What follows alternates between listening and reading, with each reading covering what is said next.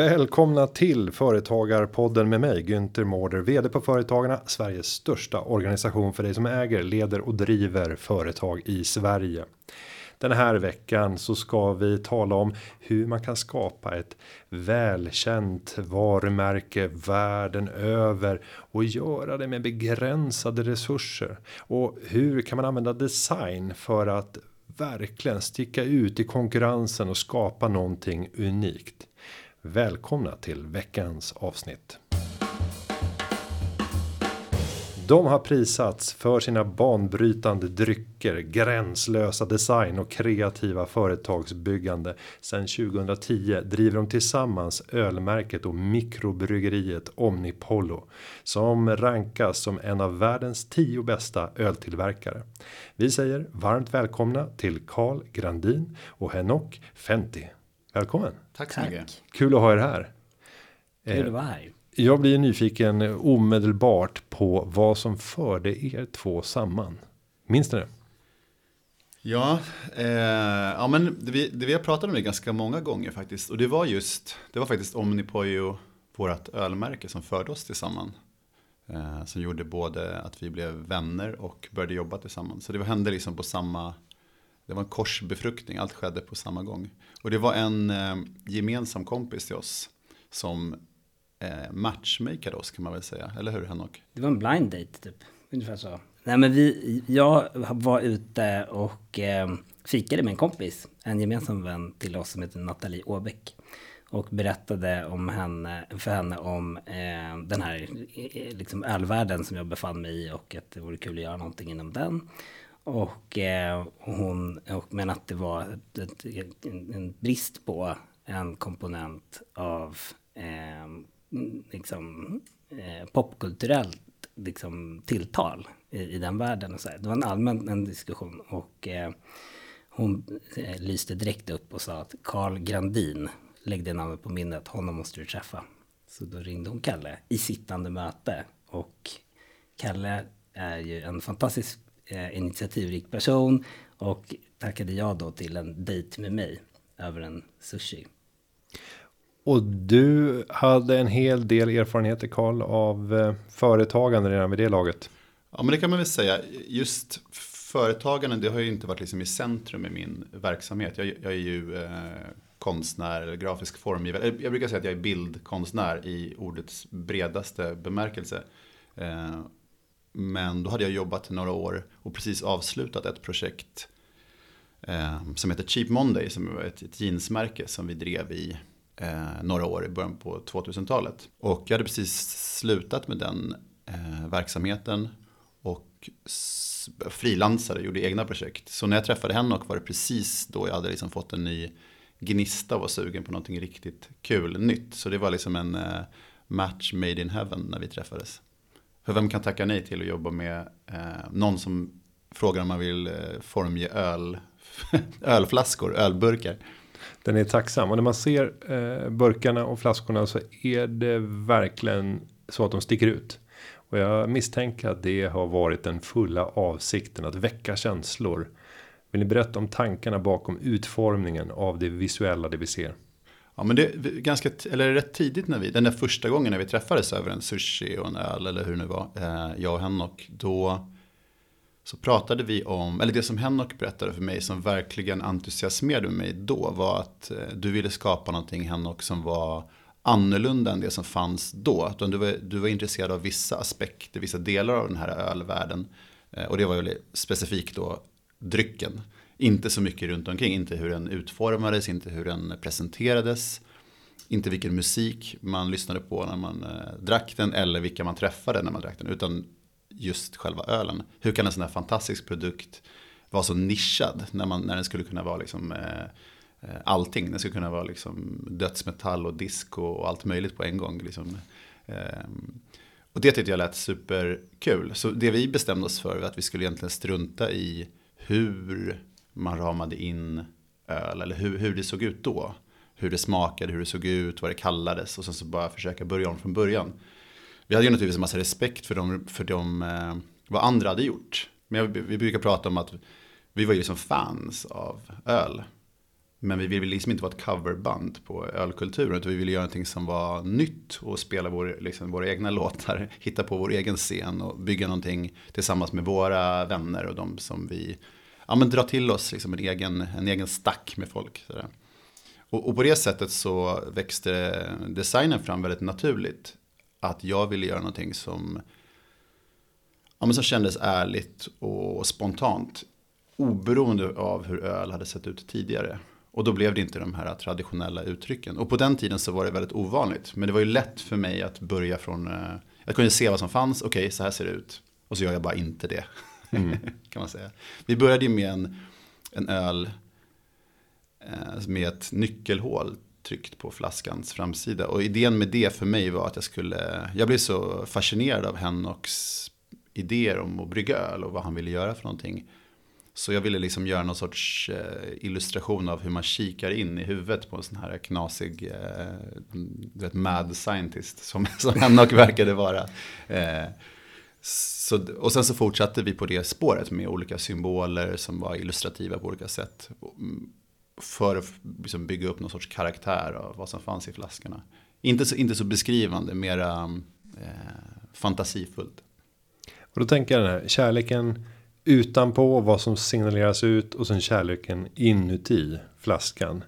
Eh, och det beskrivs ju som en nästan nörd i det här när man hör Karl beskriva.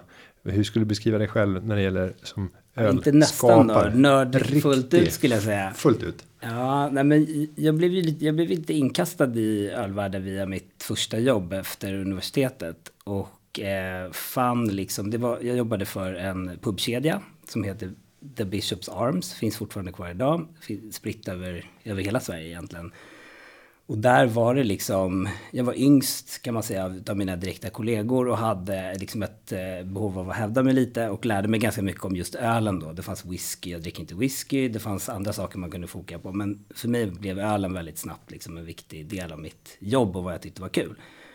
Och när jag eh, liksom började inse att det här är någonting som kommer att hända på en liksom, större nivå. Eh, samtidigt som jag hade testat och bryggt lite hemma och så vidare. Så började den här liksom, idén växa fram lite. Att här kanske man skulle kunna göra någonting som är lite annorlunda. Som tillåter för liksom, ja, en plattform att göra kul grejer. Eh, och i den här vevan så träffades jag och Kalle. Och det kändes liksom ganska snabbt som att wow, här skulle du kunna göra någonting med ett annorlunda tilltal. Både innehållsmässigt eh, och uttrycksmässigt via, via konsten. För att dra in nytt folk. Eh, och, och framförallt då för att jag själv kände att det var väldigt ofta på en pub eller på ett ölfokuserat ställe som man fick dricka bra öl. Man blir väldigt snabbt bortskämd om man har druckit bra öl. Nu är vi alla bekanta med det idag men 2010, 2009 så var det liksom en förhållandevis svår grej att komma över. Det var stor stark liksom överallt. Så fort man lämnade den här trygga miljön av puben då. Eh, som mina kompisar i liksom 25-30 års åldern inte var särskilt sugna på att spendera alldeles för mycket tid kring. De ville gå till Rish. Det var ett av de första ställena som tog in vårt första öl, vilket var lite av en sån milestone eh, för oss att komma vidare. Men, men det jag insåg ganska snabbt var att du måste i princip bli kemist. Liksom. Eh, min pappa är kemist. eh, liksom, jag vet hur, det är absolut inte ett val som jag, liksom, en, en, en yrkesbana som jag slog upp liksom, innan. Men någonstans insåg man att okej, okay, här måste man nörda ganska rejält.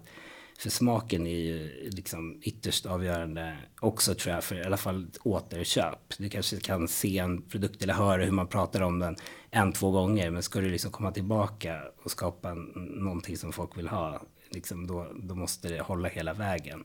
Och det var en otrolig ynnest att få, att få jobba med Kalle inledningsvis för att jag var ingen bra bryggare och jag vet inte hur bra jag är idag heller. Men det var otroligt tacksamt att få sätta den här flaskan i folks händer, få feedback och sen kunna jobba utifrån det. Och jag tänker lite kopplat till så digital marknadsföring. För där är ju många som pratar om att du måste dyka upp tidigt i eh, det visuella. Det vill säga på Google så är det att vara topp i de organiska sökningarna. Annars blir det inte ett valbart alternativ. Och där kopplar jag över då till paketeringen. Så här, blir man ens ett valbart alternativ om inte ens flaskan är attraktiv och drar till sig någon typ av uppmärksamhet om man inte lyckas gå omvägen och faktiskt få de här recen recensionerna som gör att alla dras till det för att snacket börjar gå. Men det är en ganska lång resa och, och ganska tuff eller? Jag tror att jag var, jag var orolig. Det som jag kan känna att jag var orolig för inledningsvis. Eh, det var ju egentligen inte så här, kommer det se snyggt ut? Kommer det liksom uppfattas som eh, sny, helt enkelt estetiskt tilltalande? Utan jag tror att jag fick ganska tidigt en kommentar från någon att, att eh, vin till exempel skulle inte, liksom då i alla fall, naturligt förknippas med en, en, en liksom okonventionell design. Utan bra seriöst vin, hade en vit etikett med liksom någonting som såg ut som någonting handskrivet på. Öl hade delvis den grejen. Eh, och den utmanade ju Kalle kraftigt. Genom inte minst liksom färgval och design men också genom att ta bort namnet på ölet. Logotyp fanns inte. Liksom. Vi jobbade med, i andra värden. Liksom. Och det var, jag tror att det, så här, min oro var väl kanske att så här, okej, okay, kommer det att uppfattas av mina liksom kunniga kollegor, i det här fallet de som jobbade för den här pubkedjan eller andra ölnördar som ett, som ett seriöst alternativ. Liksom. Är, det, är det för väldesignat för att det ska upplevas som att eh, liksom, det på ett eller annat sätt kanske har kompromissats någon annanstans. Liksom. Eh, det, det, var så otroligt tight execution liksom, från början, eh, om jag får säga mitt. Liksom. Det var allt från hur, vi, hur det var designat, hur det var bryggt, men också till vilken fotograf som tog liksom plåta första bilderna på, eh, Eh, på flaskan och så vidare. Så där var jag li, li, lite orolig. Men, men och, och, där började också resan någonstans. Att så här, vi måste ranka högt. Det är viktigt för innehållet. Eh, vi måste vara en internationellt erkänd spelare och så vidare. Det, det, de, det fröet såddes ju där. Men det tog ska jag säga, tre, fyra år i alla fall, minst, innan vi blev inbjudna till de stora festivalerna och började ranka liksom topp som toppbryggeri internationellt. Så det var ju gnet där i början liksom, verkligen. Vi gnet fortfarande, men, men det var ändå en viktig, absolut, liksom stämpel på något sätt. Och sen har ju ni valt en eh, annan väg än många andra och har kontraktsbryggerier. Berätta om valet av eh, bryggeriteknik. Eller bryggerisätt. Nej, men det är ju liksom, det, å ena sidan skulle man kunna säga att det är en affärsmodell, men det skulle vara en efterkonstruktion. Jag tror att så här, vi hade inte resurserna. Jag upplevde inte att jag hade resurserna för att börja, börja med att bygga ett bryggeri för att sen lära mig att brygga öl. Utan det var learn as you go, hitta folk som kan det här bättre än vad, än vad jag kan för att lära dig utav. Men också för att möjliggöra en snabb start. Så det, och, och det, nu, jag var i Belgien det året som som jag framförallt letade som mest aktivt efter en samarbetspartner. Där finns det otroligt mycket bryggerier, det gör det nu också i Sverige, men då, då var Belgien liksom ett av de absolut bryggeritätaste länderna i världen. Eh, och där fanns det ett bryggeri som specialiserade sig på att brygga öl åt andra. Eh, och där, jag bodde en halvtimme därifrån, hade möjlighet att besöka regelbundet och kände att det här är ett sätt att komma igång för att testa idén typ eh, minimum viable product, få ut det, se om det funkar. Typ. Sen växte ju ambitionsnivån när man snabbt insåg att här måste man brygga ganska många tusen liter för att det ska vara rimligt. Det räcker inte att det är ganska bra, utan, och det är inget litet test, utan vi måste göra det väldigt bra. Och Kalle är ju liksom eh, pionjär även inom screentryckt ölflaska och så vidare. Eh, vilket var såklart mer kostsamt än annan typ av tryckteknik. För, eh, så att vi, var, vi låg liksom med en produkt som var förhållandevis dyrbar i ganska stor upplaga och hade väldigt lite liksom, resurser för att det skulle kunna gå, det fick inte gå fel helt enkelt. Så det, det, blev ett annat projekt där och då. Liksom. Eh, men för att ge liksom en liten känsla kring vad Eh, kontraktsbryggning har varit väldigt bra i att det, tar ju risk, det tog risken ur det för oss att våga testa saker generellt de kommande åren. Eh, om det gick fel så var det en batch som gick fel. Det var inte liksom det, var in, det, var in, det, det, kändes väldigt liksom fritt och lekfullt för oss att kunna gå in på ett bryggeri och göra någonting som de aldrig hade gjort, som vi aldrig hade gjort och sen så komma ut därifrån och säga okej, okay, en gång kommer folk att köpa det här ölet. De kanske aldrig köper det igen, men en gång kommer de att köpa det. Många bryggerier av någon anledning där och då jobbade inte riktigt så. Och jag tror att det, här, det är konstigt egentligen för att det är ju rätt tacksamt att göra nya produkter hela tiden. Och så ser inte marknaden ut idag. Men då var det förhållandevis nytt. Men det var för oss liksom ett, ett, eh, ja, men väl, ett utforskande som pågick tillsammans med konsumenterna. Där tror jag också sociala medier blev liksom en otroligt viktig kugge i det. Liksom att hela tiden få feedback och se vad folk blev upphetsade kring och så vidare. Men om vi tänker på många företag som är produktproducerande har ju valet att välja hur mycket resurser ska vi lägga på paketeringen och det som kommer att omfamna, omfamna den här produkten och vara skyltfönstret utåt. Hur ska man resonera som småföretagare när man tänker på en produkt som man tänker är riktigt bra och sen ska den här på något sätt kläs in. Vad skulle vara dina generella råd Carl? Alltså jag ser ju, eh, jag kan ju bara tala för hur jag själv har agerat. Och jag har på något sätt eh, hamnat på någon form av bananskal in i lite olika projekt som har varit lyckade. Många misslyckade, men några som, som har varit väldigt kul att jobba med. Eh, och som jag har hållit fast vid. Som till exempel projektet med Henok som jag inte kan se någon ände på. Eh, och där var det ju egentligen bara det som de har gemensamt det är att det är entusiastdrivna projekt som lika gärna skulle kunna göras som en hobby egentligen. Alltså det hade någonting som hade kunnat göra, jag brukar säga till folk att det, nu, har, nu kan jag liksom arbeta med att göra utställningar, göra, ehm, få en lön från vårt bolag och så vidare. Men om allt det där försvann så skulle jag ju antagligen jobba lika mycket med någonting som jag inte fick betalt för. Och det är ju key såklart. Eh, att, att det är någonting som jag känner att jag, det, det, är mitt sätt att uttrycka mig på. Och jag upplever att hen och och många andra som vi jobbar med har samma liksom driv. Och eftersom det började på det sättet att vi gjorde någonting för att uttrycka någonting tillsammans. Då var de där att den typen av planering eh, var liksom sekundär. Så jag tycker att det är väldigt svårt att liksom kvantifiera det där. Jag, jag minns att vi pratade om att väldigt tidigt så, jag och Henok pratade om att det här kommer ju bli en form av lyxprodukt. Jag kommer ihåg att du sa Henok att den här kommer ju inte finnas på, jag menar vi ska göra en supertjock stout på 11% med en liksom smiley på eh, glasflaska som kommer kosta en förmögenhet. Det är ju ingen som, det är ingenting som kommer säljas på Systembolaget. Och nu är det en av våra största produkter just på Systembolaget. Men för oss var ju det någonting som vi skapade för att vi var alkemister, liksom. inte för att vi, vi ville göra någonting som inte fanns än. Vi ville liksom eh, skapa guld. Vi, det var inte någonting som vi tänkte att eh, hur kan vi hitta en modell där vi tjänar pengar på det här.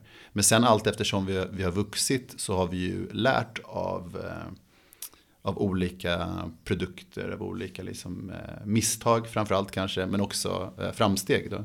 Och hittat någon sorts modell för det. Och idag så har vi väl, jag skulle säga att jag fortfarande har ganska lösa tyglar i mitt, i mitt arbete, i utformning av produkterna. Men vi har ju lärt oss att vi ska ha någon som jobbar på vårt företag som räknar på de här sakerna så att det inte går bananas. Och ofta så är det inte alltid eh, eh jag upplever att ofta så är det inte, inte eh, kostnaden nödvändigtvis ett stort problem. Jag kan ofta anpassa mig till en ram, ganska, en ganska liten budget. Problemet är ju att komma på en bra idé. En, en, en bra idé är ju på ett sätt gratis. Men, eh, ut, och sen så kan man liksom eh, hitta en, en, en, en mall och stoppa in den i. Ofta har vi en låg budget, ja då hittar vi på någonting extra smart. det låter ju enkelt såklart, mm. men det här är, det är precis det här jag brinner för. Eh, det är ju inte, det är inte ett konkret råd såklart, men det är så som det rent praktiskt går till skulle jag säga. Men om man tar den här förmågan att kunna bedöma vad kommer att bli kommersiellt gångbart och, och där ni gör en fullständig missbedömning får man ju då säga så här, bakläxa på den och så blir det en fantastisk succé. Eh, jag kan tänka mig att det har funnits åt andra hållet saker som jag tänkt kommer att bli någonting stort som inte blir det. Det där blir ju en svårighet och alla företagare brottas ju med den utmaningen. Man har en uppfattning själv och sen går man ut på marknaden och så visar det sig att det inte stämmer hur ska man managera ett liv där det oförutsägbara är där ute och det är marknaden? Hur har ni tänkt för att kunna balansera det här? Jag kan tala för innehållet liksom och där har ju vi haft facit kan man säga via våra följare på Instagram och Facebook. Alltså det var ju, det, utan dem hade det ju varit en helt, då hade man skjutit betydligt mer blint. och ska jag säga ratingforum. Så det finns en, en sida som när vi började var väldigt dominant som heter ratebeer.com och nu finns det en sida som heter Untapped. Och det är klart att så här, de här fyra liksom kanalerna i samverkan ger ju ganska tidigt en indikation kring vad det är som funkar och inte. Hur snabbt vet ni? Ganska direkt faktiskt skulle mm. jag säga. Eh, nästan på nivån att vi får ett par betyg och då vet vi så här, kommer det här kunna flyga på exporten liksom? Eh, många, de, våra importörer köper ju ölen oprovad, vilket innebär att har någon provat den någonstans så tar de reda på vad de har gett ölet för betyg. Och det är på, på gott och ont, men för oss har det ju funkat till vår fördel, för vi satsade på det väldigt tidigt. Och det gör också att du inte behöver skicka runt prover och så vidare, utan de vet, Kina till exempel, vet med gott samvete då att okej, okay, vi kan köpa en container av det ölet för det rankar högt, eller vad det nu är för någonting. Eh, på samma sätt kan det ju fungera tvärtom då, om det inte rankar högt. Och det är väl där det kan, kan liksom gå lite, lite mindre bra. Men mm, jag skulle säga att de, de här fyra liksom, kanalerna har varit oslagbara i att försöka förstå tidigt. Samtidigt som du har helt rätt i att vi har gjort grejer framförallt nu skulle jag säga senaste året, när vi då går från den här eh, kontraktsbryggarmodellen som vi älskar och kommer att fortsätta att jobba med. Vi tycker det är världens bästa modell. Den är skalbar till liksom, ja, eh, men, men till en mer lokal liksom, eh, modell där det är ett annat narrativ. Det är andra typer av produkter. Det är liksom mer repeat purchase på samma produkter. Det är Systembolaget. Vi har liksom inte vår produkt har inte varit designad för Systembolaget till skillnad från, skulle jag säga, antagligen alla andra svenska bryggerier. Där man börjar med att bygga ett bryggeri så är det i affärsplanen vi ska sälja öl till Systembolaget. Vår grej var vi ska sälja öl till hela världen liksom. Och inte till Systembolaget till och med tror jag inledningsvis. Eh, sen säljer vi gärna öl på Systembolaget. Det är en del av att sprida idén om vad hantverksöl är och så vidare. Men, men, men det blir ju det är mycket, mycket svårare upplever jag på ett sätt nu att navigera idén om vad Om nu Poyo är ett svenskt kontext eh, än vad det har varit tidigare. Mm. Man kan väl säga att vi tog en omväg då eh, genom att det är väl en klassisk så här, mm, eh, popkultur eh, popkulturellt sätt att hantera det på. Att man liksom går långt ifrån sitt hem och slår någon annan, så blir så här big in Japan först. Och sen så kommer man hem och ser det och så funkar det. Jag tror att för oss blev det ju lite så för att vi gjorde någonting i, utanför Sverige, i Belgien först. Och sen kanske i Nederländerna och sen i USA och sen i England. Eh, och, sen så på något sätt så blev vi lite mer accepterade och, i Sverige. Och producerade också mer saker, mera produkter i Sverige. Eh, så vi kom hem på något sätt. Och nu har vi ju då eh, våran kyrka i Sundbyberg där vi producerar, där vi har ett, ett eget bryggeri. Men med det kom ju också helt andra förutsättningar. När vi reste till ett bryggeri i Nederländerna och hade med oss eh, ett bagage fullt med marshmallows för vi skulle brygga öl där. Då ville vi också visa att eh, vi ville ta med oss någonting rent praktiskt som, som var innovativt och nytt och eh, utmanade reglerna som fanns.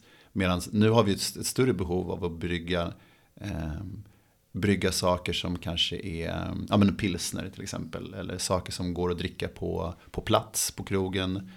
Eh, också hitta en profil för vad kyrkan är. Kyrkan är ju liksom en egen, eh, en egen bit av Omnipojos själ. Så vi bygger ju hela tiden en, eh, vi bygger upp en ny del av oss på något sätt. Samtidigt som det här kontraktsbiten av själen finns kvar också. Så vi liksom har flera tentakler på, på en gång kan man väl säga. Om vi tittar sen på företagsresan. Eh, det är många som säkert kan vittna om känslan som ni säkert hade när ni mötte varandra och inser att shit, vi två skulle kunna göra någonting tillsammans som kan bli riktigt stort. Hur många gånger och adderar man dessutom öl i den situationen och i det mötet så det är ännu fler som har den storyn. Men det är ganska få som när ölen har gått ur kroppen faktiskt skriver till verket och gör det för det krävs ganska mycket att sätta igång. Eh, vad var det mest avgörande för att det här som var ett spännande möte faktiskt resulterade i ett företag? Och vad blev första steget i, i företagandet? Även om det kanske inte är det centrala i det här utan det är ett annat konstnärskap både i drycken och i paketering som, som förenar er. Ja, men det, det är helt rätt. Eh, Det är helt rätt, så är det absolut. Och eh, jag kände ju det som, det som gjorde den där magiska Eh, momentet var ju, eh, jag tror faktiskt vår första lunch inte ens innehöll någon öl. Men ganska snabbt så började vi ju förstås gå igenom och testa allting som fanns i vår omgivning och sådär. För att staka ut en väg. Liksom. Men det hade ju inte blivit någonstans, någonting om det inte hade funnits liksom en solid grund för att faktiskt kunna göra business av det. Och det som gjorde mig väldigt trygg, förutom att Henok är en eh, liksom karismatisk och pålitlig person, det, det, det, märkte jag ju direkt, det är ju att du har ju också en, eh, en eh, du har en god renommé, du har en bra bakgrund i företagsekonomi kan man säga så. Och du, ja, men du hade liksom jobbat med saker som gjorde, och uttryckte dig på ett sätt som, som jag kände mig väldigt lugn med. Jag tror att för mig, som helst kanske inte spenderar så mycket tid med det administrativa på dagarna och sådär. Så var det en förutsättning att jag skulle kunna jobba eh, avslappnat med det bildkonstnärliga. Eh, och det blev ju en ganska tung bit då på Henoks axlar förstås. Att göra både det eh, innehållet i flaskorna, bryggningen eh, och hela businessen runt omkring. Men det, det, det, det, jag kunde ingenting heller på att säga. Men, men, det, var, nej, men det, det är klart att så här, det, det var ju vi medvetna om. Och jag tror att vi gick in i det. Vi hade båda barn ganska nyligt, fått barn, blivit pappor liksom. Det fanns en, en i alla fall själv var medveten om att så här, för att det här ska kunna få frodas och leva i ett så här lekfull, alltså lekfullhet har följt oss liksom som ledord egentligen från första dagen skulle jag säga. Det var så här, okej okay, hur kan vi leka på den här arenan liksom? Och för att det ska vara det så måste så får det inte bli pressat och stressigt från allra första början. Sen jobbade vi väldigt hårt från början, men det fanns liksom en idé om att okej, okay, det här ska vi låta ta tid. Det här ska vi liksom verkligen från ett litet frö växa sakta och vattna liksom.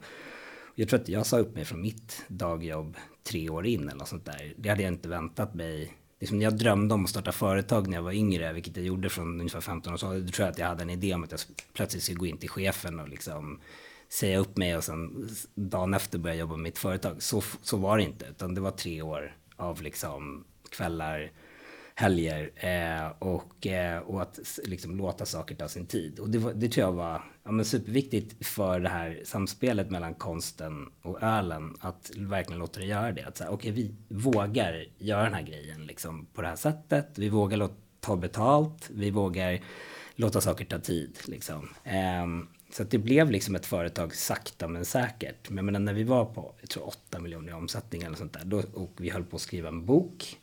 Och jag skulle gifta mig två, tre dagar senare. Då kom jag ihåg att min, min babymamma då, min fru, kom in och sa väl i princip att du får säga upp det från ditt dagjobb. Eller sluta med den här grejen liksom, typ mer eller mindre.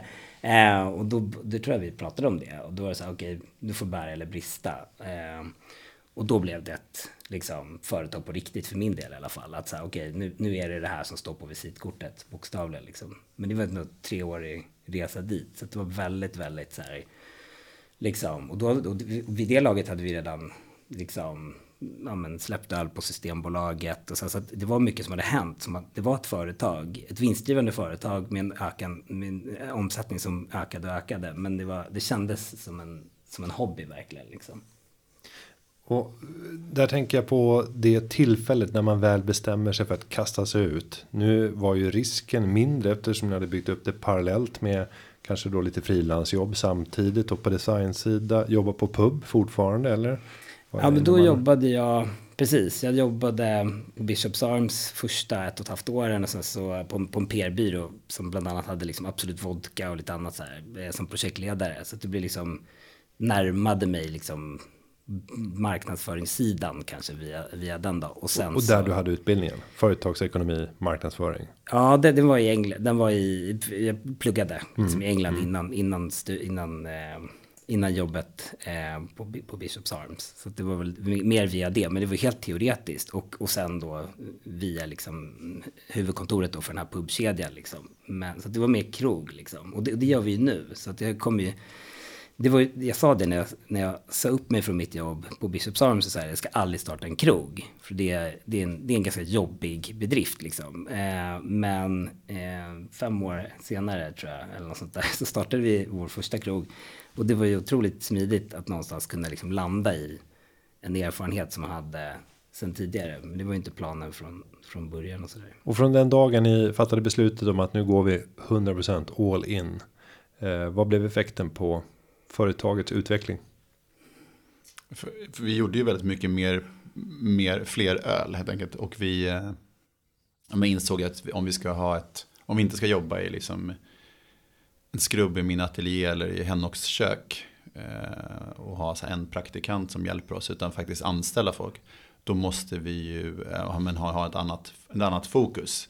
Eh, men lyxen, eh, jag ska verkligen understryka det som Henok säger om, om att låta det ta tid och växa fram eh, långsamt. Det, det, gjorde ju att det var organiskt. Vi sysslade ju med det som vi ville göra. Och det blev en, jag menar, jag ska inte tala för dig Henok, men för mig var det det första jag tänkte på på morgonen och det sista jag tänkte på. Och inte med någon, någon form av ångest, utan tvärtom. Det var, det var det jag tänkte på för jag tyckte det var kul. Jag jobbade liksom med någonting lustfyllt.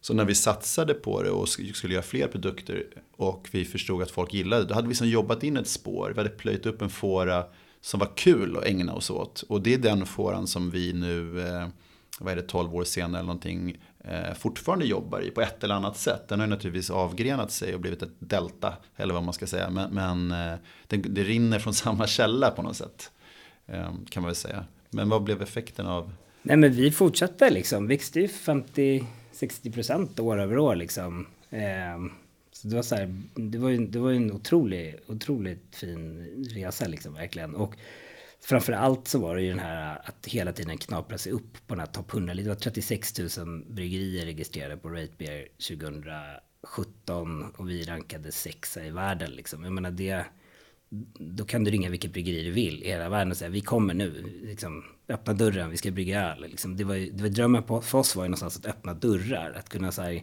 i egenskap av nörd och entusiast besöka ett bryggeri från insidan verkligen. Så de gör bäst öl i världen inom den här kategorin. Vi åker dit. Och då, då helt plötsligt fanns det resurser för det. Liksom. Och det finns, fanns en marknad som var villig att följa resan dit via sociala medier och sen köpa produkten när den väl var klar. Så att vi lämnar liksom i den utsträckning vi kunde ett, ett avtryck. Liksom. Det, var väl, det, det, tror jag har varit liksom ett ganska tydligt liksom omnipojo-kännetecken på något sätt. Att vi jobbar sällan med ett bryggeri en gång. Utan det blir oftast ett ganska långt partnerskap som kan sträcka sig över flera år. Med flera olika öl och flera olika spännande projekt som leder in i varandra och så vidare. Och det, det tycker jag har varit ett så kvalitetstecken. Det är en 30, ett 30-tal bryggerier som verkligen tillhör den absoluta eliten i världen som vi nästan på månatlig basis har någon typ, något typ av utbyte med. Liksom ett av dem någon gång i månaden i alla fall.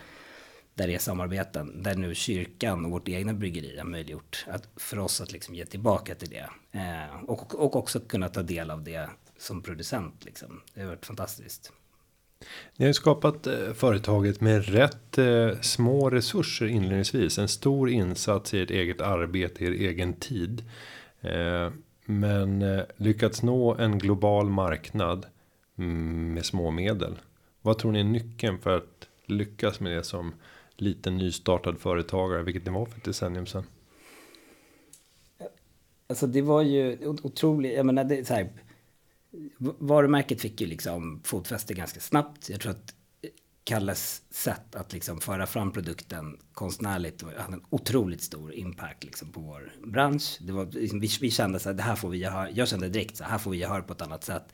Som europeisk aktör framförallt. Det var väldigt liksom bryggeritätt i USA och framförallt unga bryggare som gjorde någonting intressant. Liksom. Men kanske inte så många i Europa på samma sätt. Det är, ju, det är också en traditionstyngd bransch i Europa på ett annat sätt än i USA. Liksom. Eh, så det, det, var, det absolut viktigaste var ju liksom budskapet såklart. Eh, om man pratar lite om vad som är under huven så hade vi ju en ganska tacksam eh, tillväxtsituation för att vi betalade vårt bryggeri efter att vi fick betalt från vår inköpare i Sverige under de första åren. Plus en liten checkkredit från Handelsbanken, tack så mycket för det. Eh, det gav oss en möjlighet att växa i princip ohämmat. Det var det ena och kontraktsbryggningen. Att, ha, att inte vara begränsad av produktionsplats. Utan det var varumärket som styrde om kunderna var villiga att köpa eller inte. Så hade, fanns det inte plats där så kunde vi alltid gå någon annanstans. Och det gäller fortfarande. Vi har ju liksom Eh, det, jag tror att uppförsbacken har alltid varit inom branschen att det har funnits ett stigma. Är det ni som brygger ölen eller inte? Men så fort du har bevisat att okay, här finns, det finns ett tillfört värde för att vi brygger på 20 olika bryggerier och ölet blir gott. Eller vad det nu kan vara för något som man tar som sin måttstock för vad som är, som är ett tillfört värde.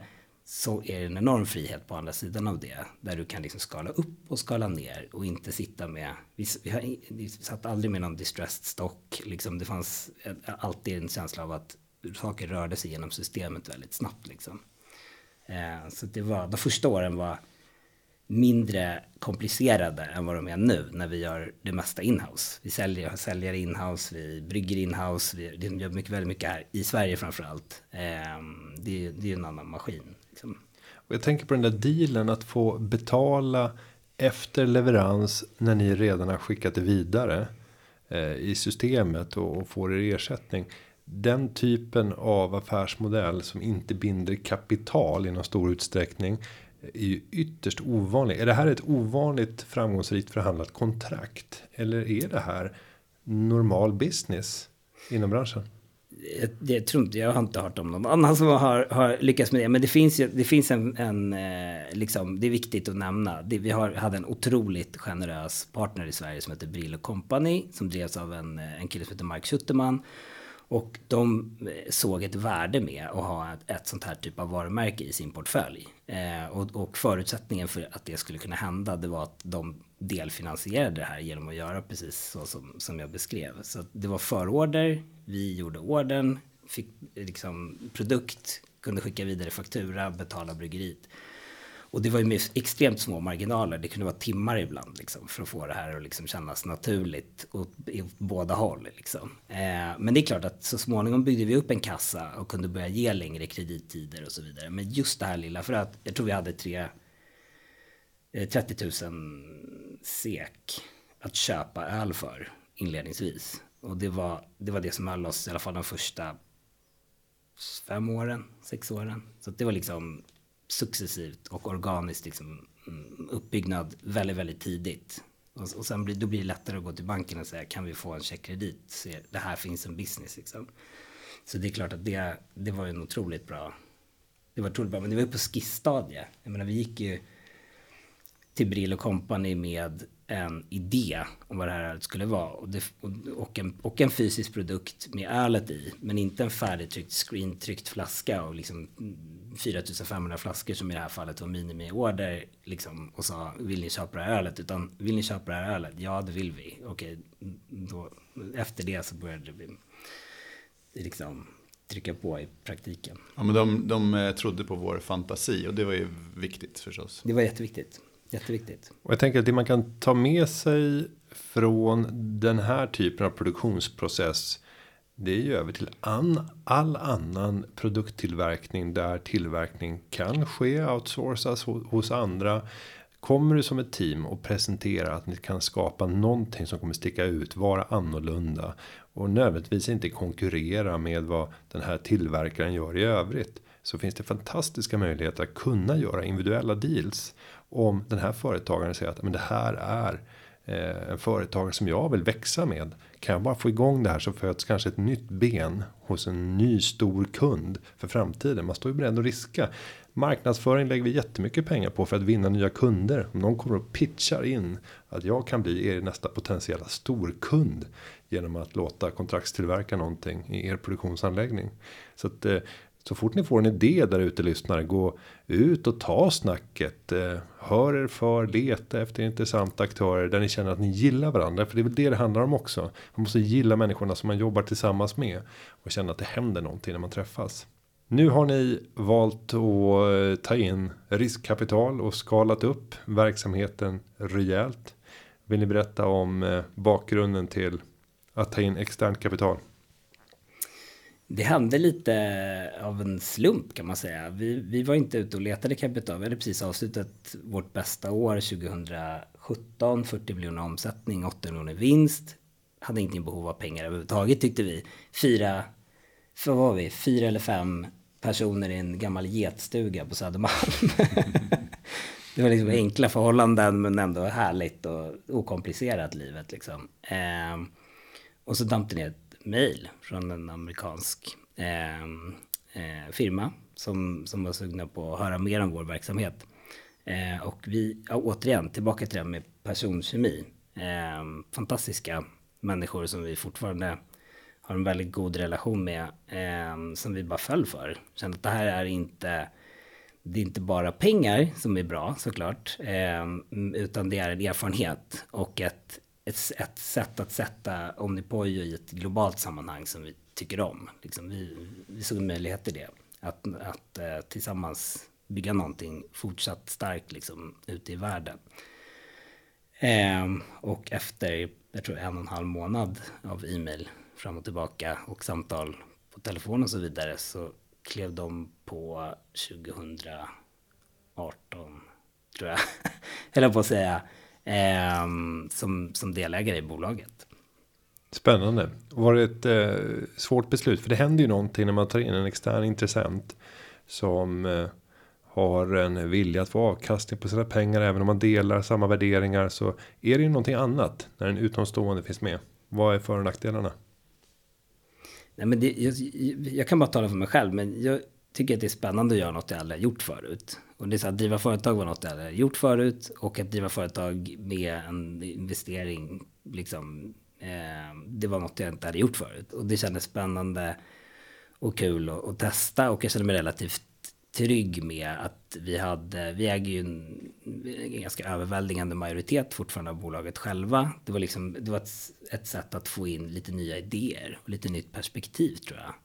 Efter åtta år, eh, sju, åtta år. Eh, och, eh, och det känns som att det har gjort det verkligen. Det, det är ju klart att det ökar ju behovet av att jämka intressen och så vidare. Men det tror jag är nästan mer självförvållat. De har liksom, jag tror att jag, jag har nog mer egna idéer om vad som förväntas av oss än vad de faktiskt säger åt oss att de förväntar sig av oss. Eh, som ett, som ett liksom sätt att försöka ta mer ansvar, eh, ta ansvar eh, snarare än att liksom bli ålagda. Och eh, nej, men hittills har det funkat bra. De har tålamod, de förstår vad vi gör, upplever jag starkt. Eh, Annars hade de inte låtit oss sätta sprätt på massa pengar för att bygga ett bryggeri i en kyrka i Sundbyberg. Under covid. Under covid.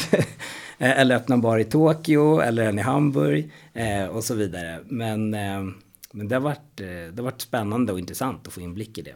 Mm. Och jag, jag, tror att en av de viktigaste sakerna för oss att känna oss bekväma med den här att jobba med dem var väl egentligen att vi pratade igenom det. Vad handlar det om? Är det handlar om pengar? Nej, det handlar om liksom kompetens och erfarenhet. Där vi befann oss då, vi drev kanske, vi hade en krog ja, i Stockholm.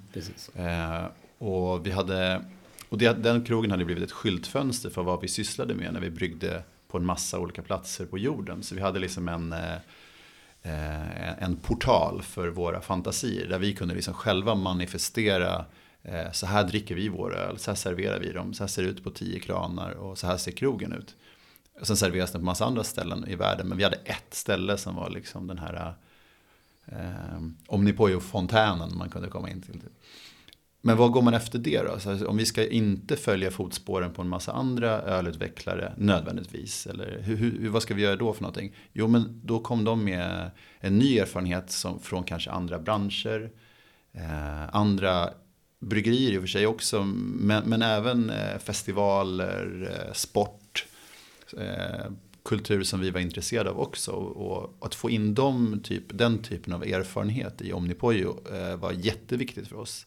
Så vårt beslut låg ju egentligen i att, att tacka ja, att ta dem i hand var ju för att vi kände att det här är en kul och intressant partner för utveckling snarare än än bara cash. Liksom. Jag håller med. Bolagsbyggande, liksom helt enkelt. Och eh, de hade och kom med en gedigen renommé. De hade bland annat byggt upp Ironman. Eh, liksom entusiastdrivna verksamheter där eh, de skämtsamt sa ganska tidigt att om, om, om det är ett bolag vars följare liksom är eh, benägna att tatuera varumärket på sin kropp, då är vi intresserade av att vara med. Och vi hade varit på väldigt många festivaler under årens lopp där en eller och annan tatuering av Kalles fantastiska motiv liksom dök upp på armar och, och, och ben och bröst och alla möjliga konstiga platser. Eh, men och kände liksom att okej, okay, de, de, här människorna förstår vad det är vi vad det är vi försöker liksom göra. Eh, men de har också en annan insikt i vad vi kanske inte ska gå på för miner framöver om vi ska försöka skala upp det här globalt. Om ni avslutningsvis ska få ge några tips och råd till andra företagare som drivs av en passion och har personer i sin närhet där det skulle kunna vara kompletterande passioner ungefär som det har varit för er två passioner som möts och skapar någonting. Det finns där, men jag vet inte hur jag ska nyttja och hur jag ska kunna skapa ett stort företag, kunna ta mig ut i världen. Många drömmer om det här. Vad skulle vara er, era inspirerande ord eller tips till de här företagen? Alltså en enkel sån grej som jag upplevt med i princip alla lyckade projekt jag varit involverad i är ju att det måste vara en personkemi. Det, kom, det kommer inte fungera om det inte är en personkemi. Den kan ju yttra sig på olika sätt. Jag menar jag är ju sån tur att en av mina absolut bästa vänner också råkar vara världens bästa ölbryggare. Eh, och jag, jag trivs och umgås med honom. Det kan ju vara an, andra typer av kemier som funkar. Liksom. Men det är ju grundläggande och kanske det kanske är självklart. Men jag eh, skulle inte kunna vara involverad i det här 12 år senare om det inte var någonting som jag, om jag inte njöt av att träffa min kollega eh, och önskar att vi sågs ännu oftare. eh, nej men så den kärleken är ju, liksom, är ju kanske självklar.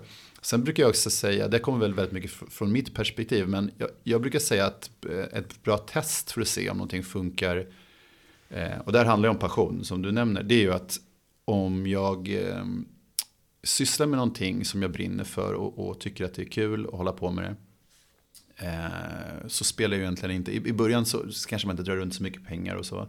Eh, vill man fortsätta med det här, då, då, säger det sig självt, funkar det inte då? Alltså har man, kör man kompromisslöst sin grej och så funkar det inte. Det kanske inte är hela världen om det inte funkar. Då kanske inte idén var tillräckligt bra. Men om du håller på att förändra din idé för mycket eller anpassa den till vad en massa andra människor säger. Om de råden nu inte är goda. Om det förvandlar din idé, förvanskar din idé till någonting som du inte vill syssla med. Ja, då är det ju meningslöst ändå. Eh, och det där tycker jag, förvånansvärt ofta möter jag folk som sysslar med saker som de inte tycker är så kul. Eh, och ja, det låter kanske också enkelt. Men eh, funkar inte så kanske det finns en poäng med det. Henok, vad har du för tips? Nej men jag tror absolut liksom personkemi hela vägen. Och det, är så här, det här har verkligen varit ett samtal eh, mellan öl och konst. Det började så.